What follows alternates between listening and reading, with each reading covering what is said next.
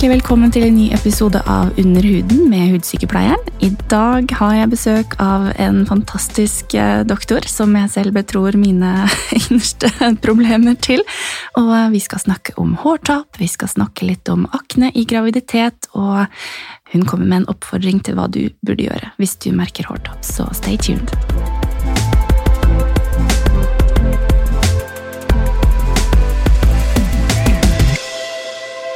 Velkommen til deg, doktor Mireille. Det er så hyggelig å ha deg i studio. Tusen takk. Vær så god, holdt jeg på å si. Det er hyggelig å bli invitert. Ja, det er kjempehyggelig å ha, ha deg her. Du er jo hudlege. Jeg har brukt veldig mye tid og mange år på å bli det, og endelig så, så kaller du deg hudlege, og det er så stas. Og jeg ser jo veldig opp til deg fordi du bruker eh, faget på en helt unik måte, syns jeg. Eh, på dine kanaler og Instagram-kontoer og TikTok og YouTube. I like måte. Jo, takk! Men det er liksom det her at du baserer alt på vitenskap, som jeg syns er så utrolig kult. Eh, og du gjør det tilgjengelig for alle. Så hvordan, hvordan får du tid egentlig til å være på alle plattformer? Nei, altså, jeg har jo ikke noe liv. Nei, okay. Nei, det begynte jo med at eh, jeg tok jo utdannelsen på Universitetet i Oslo, og så jobbet jeg det, Etter turnus så jobbet jeg på nevrologisk avdeling på Ahus. Mhm. Og da var jeg jo 26 år. Og da, som kvinne flest, så var jeg interessert i hudpleie, så jeg gikk til eh, det som da het estetikk før, som heter Kicks nå. Oh, ja. Ja, og kjøpte dyre kremer i fine krukker som luktet godt, og som jeg ikke fikk noe effekt av. Så jeg skjønte ikke helt hvordan jeg kunne betale så mye for en krem som ikke fungerte. Nei. Og på, jeg var jo slutten av 20-årene, og da begynte jeg å se at jeg hadde begynt å få litt ujevn hudfarge, litt sånn smårynker her og der, og det likte jeg ikke. Nei. For nå var jeg jo ferdig med medisinstudiet, og nå skulle jeg leve livet mitt. ikke sant?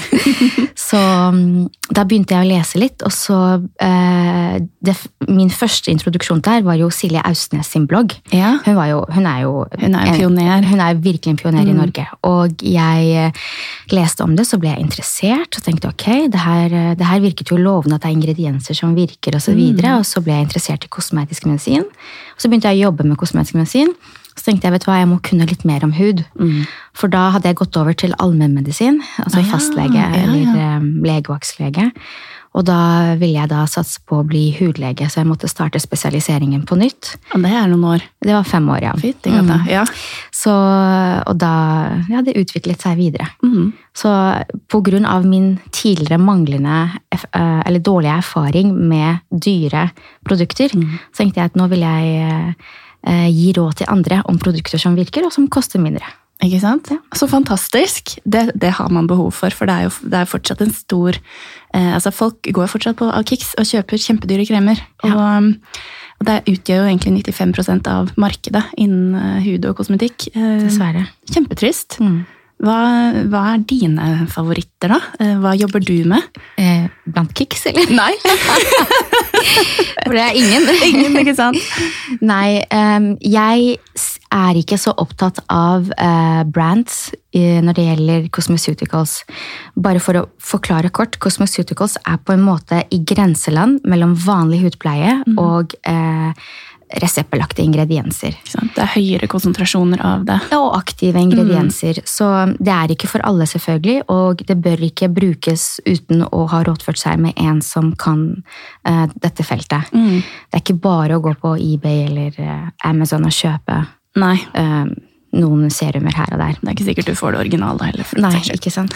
Så jeg har jo også vært tilbudt å, å være ansikt utad uh, noen brands, annet promoteringer osv., men jeg har sagt nei fordi jeg uh, Alle merker har sine styrker og svakheter. Mm. For eksempel finner du et godt serum i ett merke, og så finner du et eh, bedre serum i et annet merke. Det kommer an på ingrediensene og hva man er ute etter. Ja. Så jeg har ingen favoritter, Nei. men jeg har favorittingredienser. Nettopp. Ja. Ja. ok, kult. Men hva, hva er det, da? Hun Det må er jo spørre. ingen hemmelighet. Det er jo the king of topicals, som Ja. det heter. Og det er jo A-vitamin i ulike former. Mm, Ja. ikke sant. Mm. Det er jo, de fleste vet jo om A-vitamin som retinol, men det er jo langt fra det eneste av vitaminkilden man har. Og de fleste tror jo at A-krem fra apoteket er nok, men det stemmer ikke. Jeg har så mange pasienter som bare 'Jeg kjøpte sånn A-krem'. Jeg bare, å, Ja, og jeg merket ingen effekt. Nei, ikke sant. Apropos rive meg i håret. Dette er jo egentlig en episode om eh, din store passion. Hår, hårtap, alopecia, sa jeg det riktig? Mm. Ja, ikke sant? Alopeci betyr jo hårtap. Mm. Så um, jeg vet at eh, blant folk flest så forbinder de alopeci med sånn runde flekker Mm. med hårtap i, eh, i hodebunnen. Mm. Men det er eh, egentlig all type hårtap kaller vi leger for alopeci. ja. Og så har du flere typer alopeci. Jeg er jo spesielt interessert i alopeci fordi blant annet så må jo selvfølgelig hudleger behandle, kunne behandle dette godt. Mm. Eh, Men det er fordi jeg fikk det selv.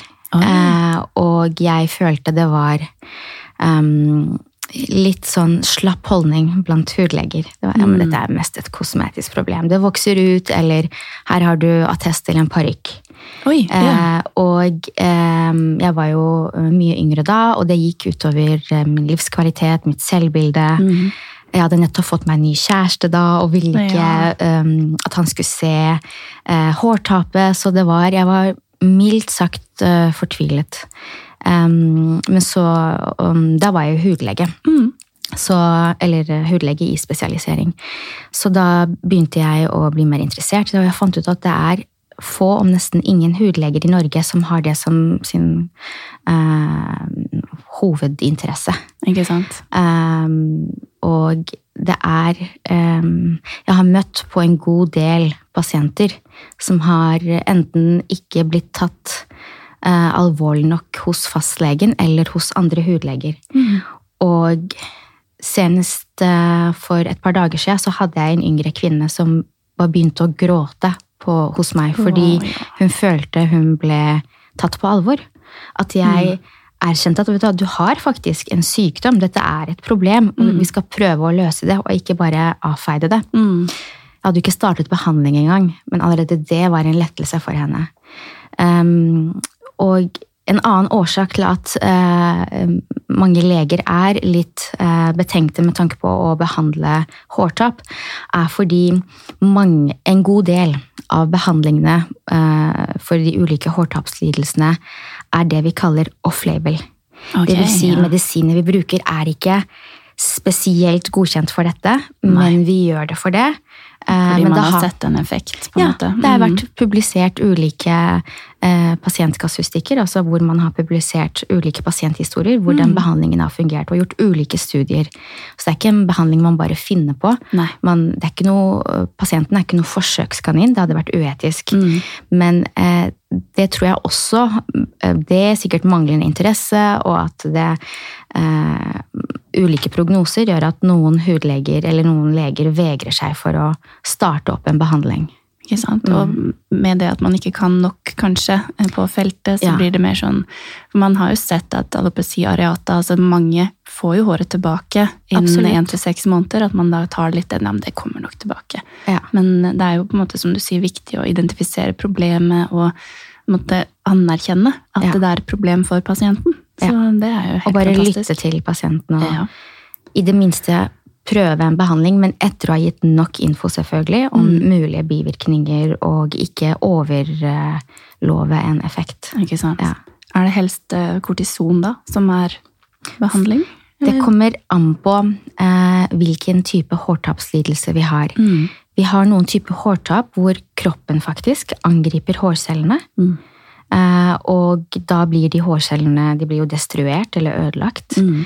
Eh, da må man jo dempe eh, det angrepet fra kroppen. Ja. Og så har du noen andre hårtapslidelser hvor håret eh, ikke kommer i en vekstfase.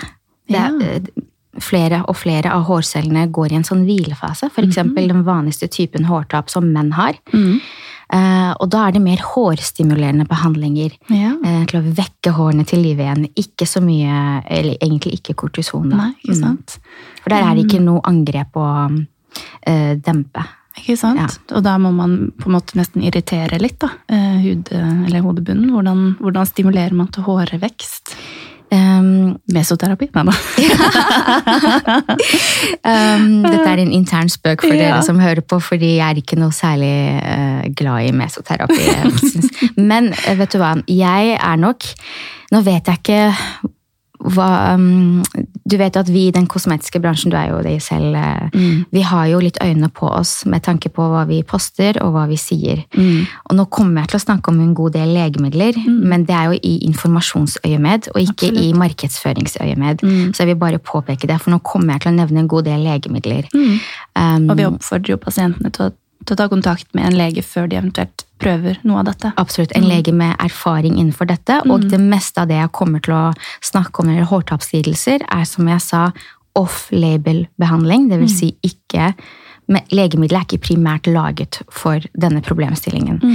Eh, Men eh, når det gjelder mesoterapi, så gjør jeg faktisk noe mesoterapi for hårtap. Men da eh, Det er jo ikke direkte altså Det er jo mesoprinsippet, men jeg injiserer et eh, legemiddel. Eh, Jeg tror nok jeg er den eneste i Norge som gjør det. For de mennene som ikke vil ta det i tablettform, så injiserer jeg det lokalt i hodebunnen. Det var en teknikk jeg lærte fra en ganske kjent eh, hårtoppsspesialist, trikolog, kaller vi det. Hudlege i Spania. Eh, så da eh, Det er ikke gode nok studier på det, Nei. for det er ganske nytt. Men jeg gir jo selvfølgelig info om det. Mm. Og eh, jeg prøver, dette er ikke førstevalg, på en måte. Nei. Jeg gir jo alltid La oss si du kommer med den vanligste typen hårtap som vi har i samfunnet. Eh, og det er sånn mannlig type hårtap. Med Eh, viker og måne, den ja. type ting. Viker, eh, måne eh, Hos kvinner så kan man også få akkurat sånn type mannlig hårtap. Mm. Eh, det er også den vanligste typen hårtap hos kvinner. Eh, men da er ofte hårfestet bevart, og så har man tynnere behåring på issen. Ok, Ja. ja. Um, og da bruker jeg først og fremst hårstimulerende behandling som er reseptfri. Og det er ofte en overraskelse. Når pasientene kommer til meg, så forventer de å få noe reseptbelagt på registreringsfritak osv. Og, så og så anbefaler jeg først noe reseptfritt. Men det er jo um, minoxidil, da. Jeg tror ikke jeg kan si navnet på produktet, men jeg kan si det aktive stoffet, og det er minoxidil. Det var det du anbefalte meg når jeg fortalte om at jeg hadde fått sånn ammehår. ikke sant? Ja. Litt sånn etter fødsel at eh, det begynte å nesten bli litt viker. ikke sant? det er jo hår. grodd nå, iallfall. Eller begynner å bedre seg. Ja. Det som er morsomt med minoxidil, er at det først ble jo brukt i tablettform for å redusere blodtrykket for de som hadde høyt blodtrykk. Og så fikk pasientene som tok det masse hår på kroppen. Aha. Og da var det en smart fyr som eh, var med i det firmaet, som tenkte vet du hva, hvis vi knuser tablettene og gjør det om til en spray eller en skum, og pasientene påfører det på hodebunnen, så kan vi profitere fra det og hjelpe selvfølgelig andre. Mm. Og det var sånn den ble til. Um, den har jo vært på markedet i ikke, mange år, 20-30 år. Og likevel så vet vi ikke helt hvordan den fungerer. Nei. Men vi vet at den vil stimulere håret til å komme i en vekstfase, Mm. og har potensial til å få hårene til å bli tykkere. Altså øke diameteren på hårfolliklene. Men dette Så- er ikke noe man burde bruke uten å ha et reelt hårtap. Bare sånn for å få tykkere hår, på en måte. Ja, jeg syns ikke man bør bruke det uten å ha snakket med en lege, Nei. selv om det er reseptfritt. Um, som jeg sier til pasientene, du kan jo kjøpe ibuprofen reseptfritt, men du kan få nyresvikt av det hvis du ikke skal ta det. Så eh, snakk med en lege først, eh, og se om du er kandidat for dette. En lege med erfaring innen hårtapslidelser, selvfølgelig. Fordi eh, som jeg sier til pasientene mine, stakkars fastleger, de kan jo ikke være eksperter på alt. Nei, det er veldig sant. Ja. Og de møter jo ekstremt mange forskjellige Ja, jeg har jo vært fastlege før i, Ja. i to-tre år, så jeg vet jo arbeidsbyrden og, og hva man må kunne og holde styr på. Og det er jo mildt sagt umulig Ja, å, å, å vite alt. Um, så da, jeg anbefaler jo det, og da må man jo vente i hvert fall sånn tre til seks måneder, helst seks måneder, for å se om man får effekt. Mm. Så man må ha en god del is i magen. Ikke sant? Og jeg husker du sa til meg at dette må du vente med til etter du er ferdig med å amme. Ja. Eh, Nettopp sikkert fordi man ikke bruker medisiner i stor grad ved graviditet eller amming. Ja, du vet, Vi leger og sykepleiere også er jo redde for å anbefale Mm. noe som helst til gravide og ammende. Jeg husker jeg hadde en sånn gynekologiprofessor på universitetet. universitetet. Hun jobber ennå på Rikshospitalet, og hun sa til oss på en forelesning, noe jeg ikke har glemt, hun sa hvis det kommer en gravid kvinne til deg på kontoret og ber om et glass vann, og du gir henne det, og det etterpå går noe galt med graviditeten, så vil hun skylde på det glasset med vann hun fikk fra deg. Det er jo satt på spissen, men det bare viser hvor forsiktig man må være som helsepersonell. Eh, når man da skal anbefale aktive ingredienser til gravide og ammende og pasienter som prøver å bli gravide. Mm. Da tar jeg alltid to steg bak og sier kom tilbake når du er ferdig med alt. Ikke sant? Ja. ja. Det er nok veldig lurt. Selv om eh, ikke sant? det er jo på grunn av at man ikke kan teste eh, når man er på foster ikke sant? og Ja. i graviditet, fordi det er direkte uetisk. Så det gjør man Ja. jo ikke. Det, apropos eh, teste på gravide. Man har jo selvfølgelig, Det er jo uetisk å teste på gravide og se om de tåler medikamenter, men vi snakket jo om A-vitamin i stad. Og vi, vi anbefaler jo aldri A-vitamin til pasienter som prøver å bli gravide, er gravide eller ammer. Men det har jo det har jo vært at gravide har tatt A-vitaminkremer og brukt det eh, gjennom hele graviditeten.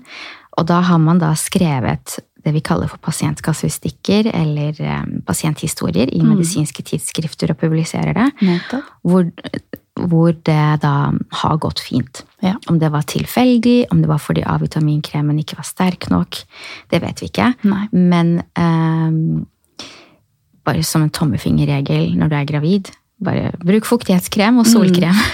Ikke sant? ja. Og det, mm, siden vi er inne på tema, så er det jo litt det her med ikke sant, at mange opplever økt akne i graviditet. Og Mm. syns det er fryktelig frustrerende å ikke kunne bruke noe særlig aktive ting i det hele tatt. Jeg husker du anbefalte meg um, acelainsyre. Ja. Mm, at det er noe man kan, faktisk kan bruke. ja. Mm. Det kan man. Um, det er jo et problem med akne under eh, graviditeten hvis man er plaget med det, for du Særlig hvis det blir eh, aknearr ut av det, Mm. så kan du likevel ikke gå inn med en veldig aktiv behandling. Men um, det er relativt trygt å bruke 15% Mm. og da i den reseptbelagte formen. Fordi jeg vet at det finnes reseptfrie former, men jeg vet ikke hva de kan være blandet med. Nei. For alt jeg vet, så er det litt salicylsyre oppi, eller noe annet, og da plutselig så har du et annet aktivt stoff med. Mm. Så mm, eh, 15 acelainsyre pleier jeg å anbefale. Men ja.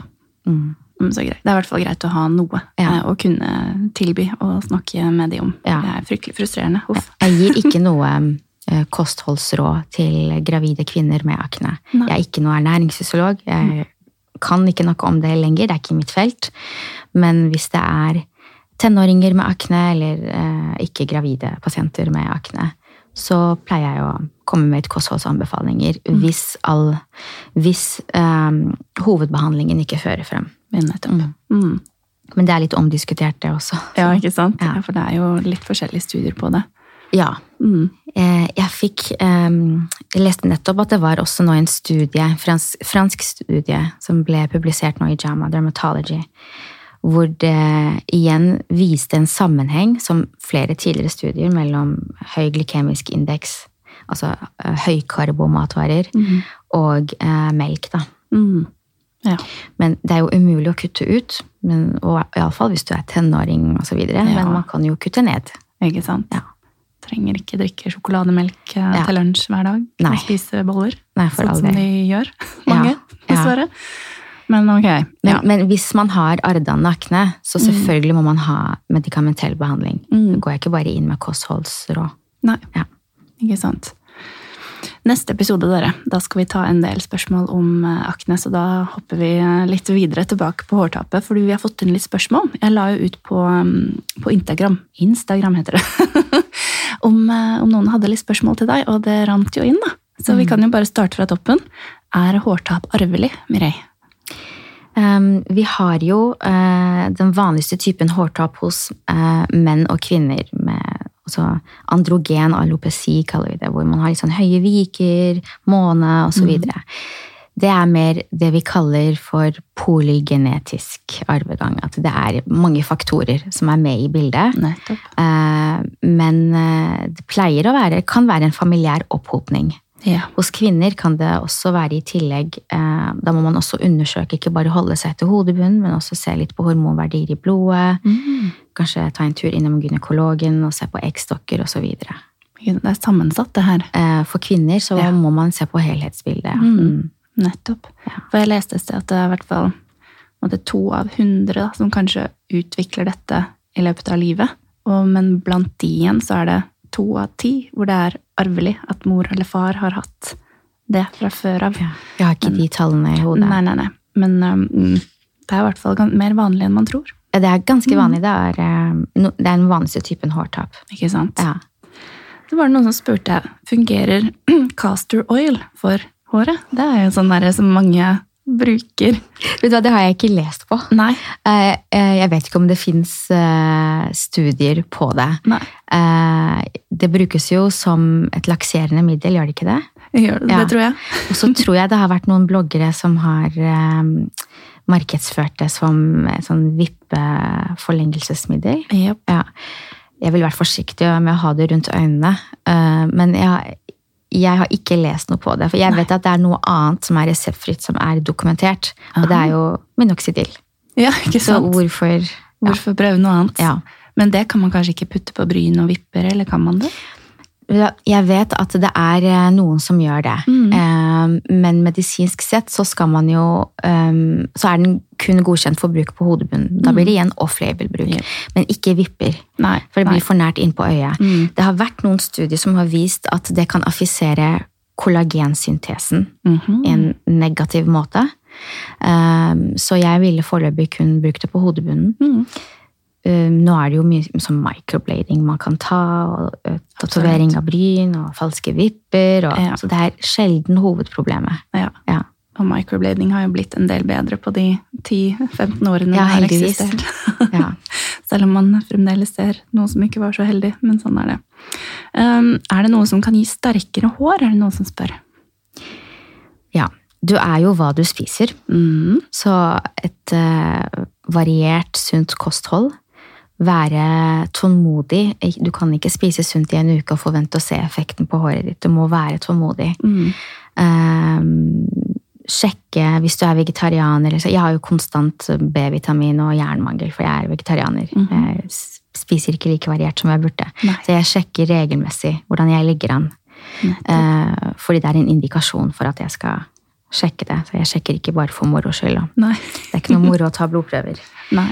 Um, og så Ja.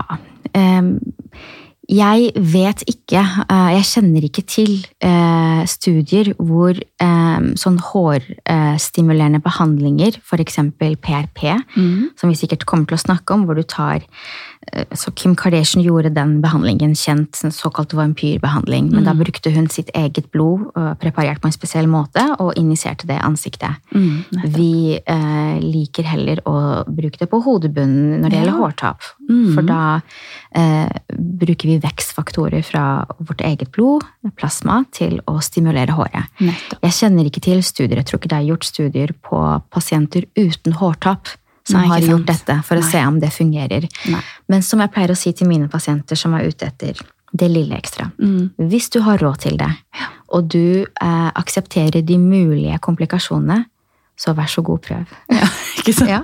Det er jo en fin ting å si, for det er jo veldig reelt. Ja. Jo, mm. Jeg har jo sett noen som bruker sånn um, ølgjærtabletter og biotin og liksom sånne type kosttilskudd Ja. for hår. da. Mm. Er det liksom innafor? Jeg pleier å anbefale eh, en Faktisk, nå er jeg litt alternativ, men jeg vet det, men jeg pleier å anbefale en del kosttilskudd ved Ja. hårtap.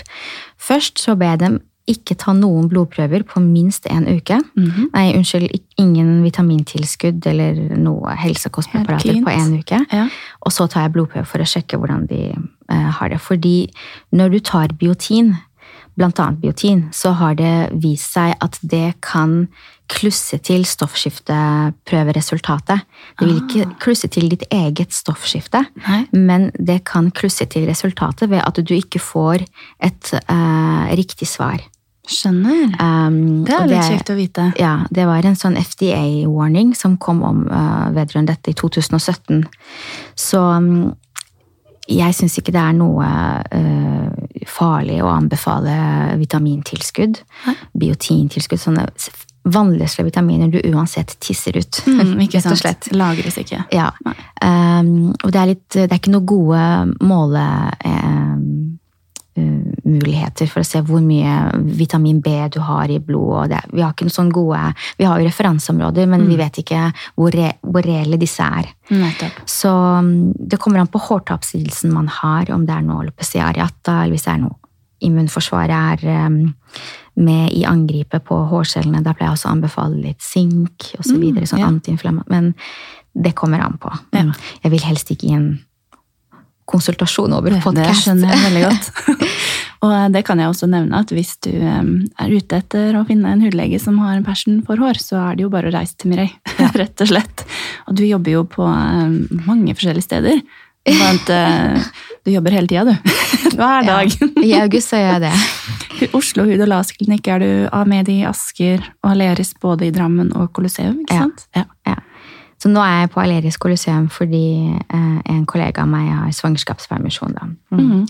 Men eh, ja, jeg er på de tre. Jeg jobber egentlig bare sånn fem-seks dager i uka, men nå har det vært litt mer i august. Ikke sant? Mm. Og på din Instagram-profil, eh, du heter jo doktor understrek Mireille på Ja. Instagram, der finner man jo også all kontaktinfo og videre linker til dine kanaler. Du er Likevel får jeg alltid spørsmål om hvor kan man hvor, ja. Link i bio, link i bio. Ser du har sånn fint tre faktisk i bioen din, hvor du Ja. kan klikke på de ulike. Ja. Veldig kjekt. ja, men så det er bra. Skal vi ta et siste spørsmål? Mm. Skal vi se her. Må Plukke et bra et. Ok, en oppfordring mer. Hva bør man gjøre når man merker hårtap? Um, for det første stresse ned Ok, og slappe ja, av. Puste ut. Det handler om det også. Ja, fordi stress og hårtap er en dårlig kombo. Ja. Ja. Um, oppsøke en lege. Mm. Eh, Gjerne fastlegen din. Ja. Se, ta blodprøver. Mm. Sjekk om det er noe du mangler. Er det jernmangel? Er det noe annet? Er det stoffskiftet ditt? Ehm, og hvis, man, hvis hårtapet fortsetter, og man ikke kommer i, i, i mål med noe svar, så kan man bli henvist til en hudlege. det tar lang tid. Um, det tar lang tid. Hvis man har økonomi til det, så kan man oppsøke en hudlege privat. Mm. Men det, det koster jo litt mer. Det gjør det. Ja. Det kommer jo an på hvor urgent man syns det er selv. ja. Um, og hvor, hvor pressende problemet er, og hvor, uh, ja, hvor mye det påvirker en, rett og slett. Ja. Mm. Men, men det første man må gjøre, er å slappe av. Ja. Ja. det syns jeg var en god oppfordring. Det fins alltid en løsning på det meste, og hvis ikke det fins en løsning, så vil man etter hvert lære seg å takle det. Ja. Så. Sant. Mm. Det var veldig fine ord. Takk. Da runder vi av denne podkasten med Mireille sine oppfordring om å stresse litt ned. Det tror jeg kan hjelpe på, på huden generelt. Så snakkes vi igjen i neste episode.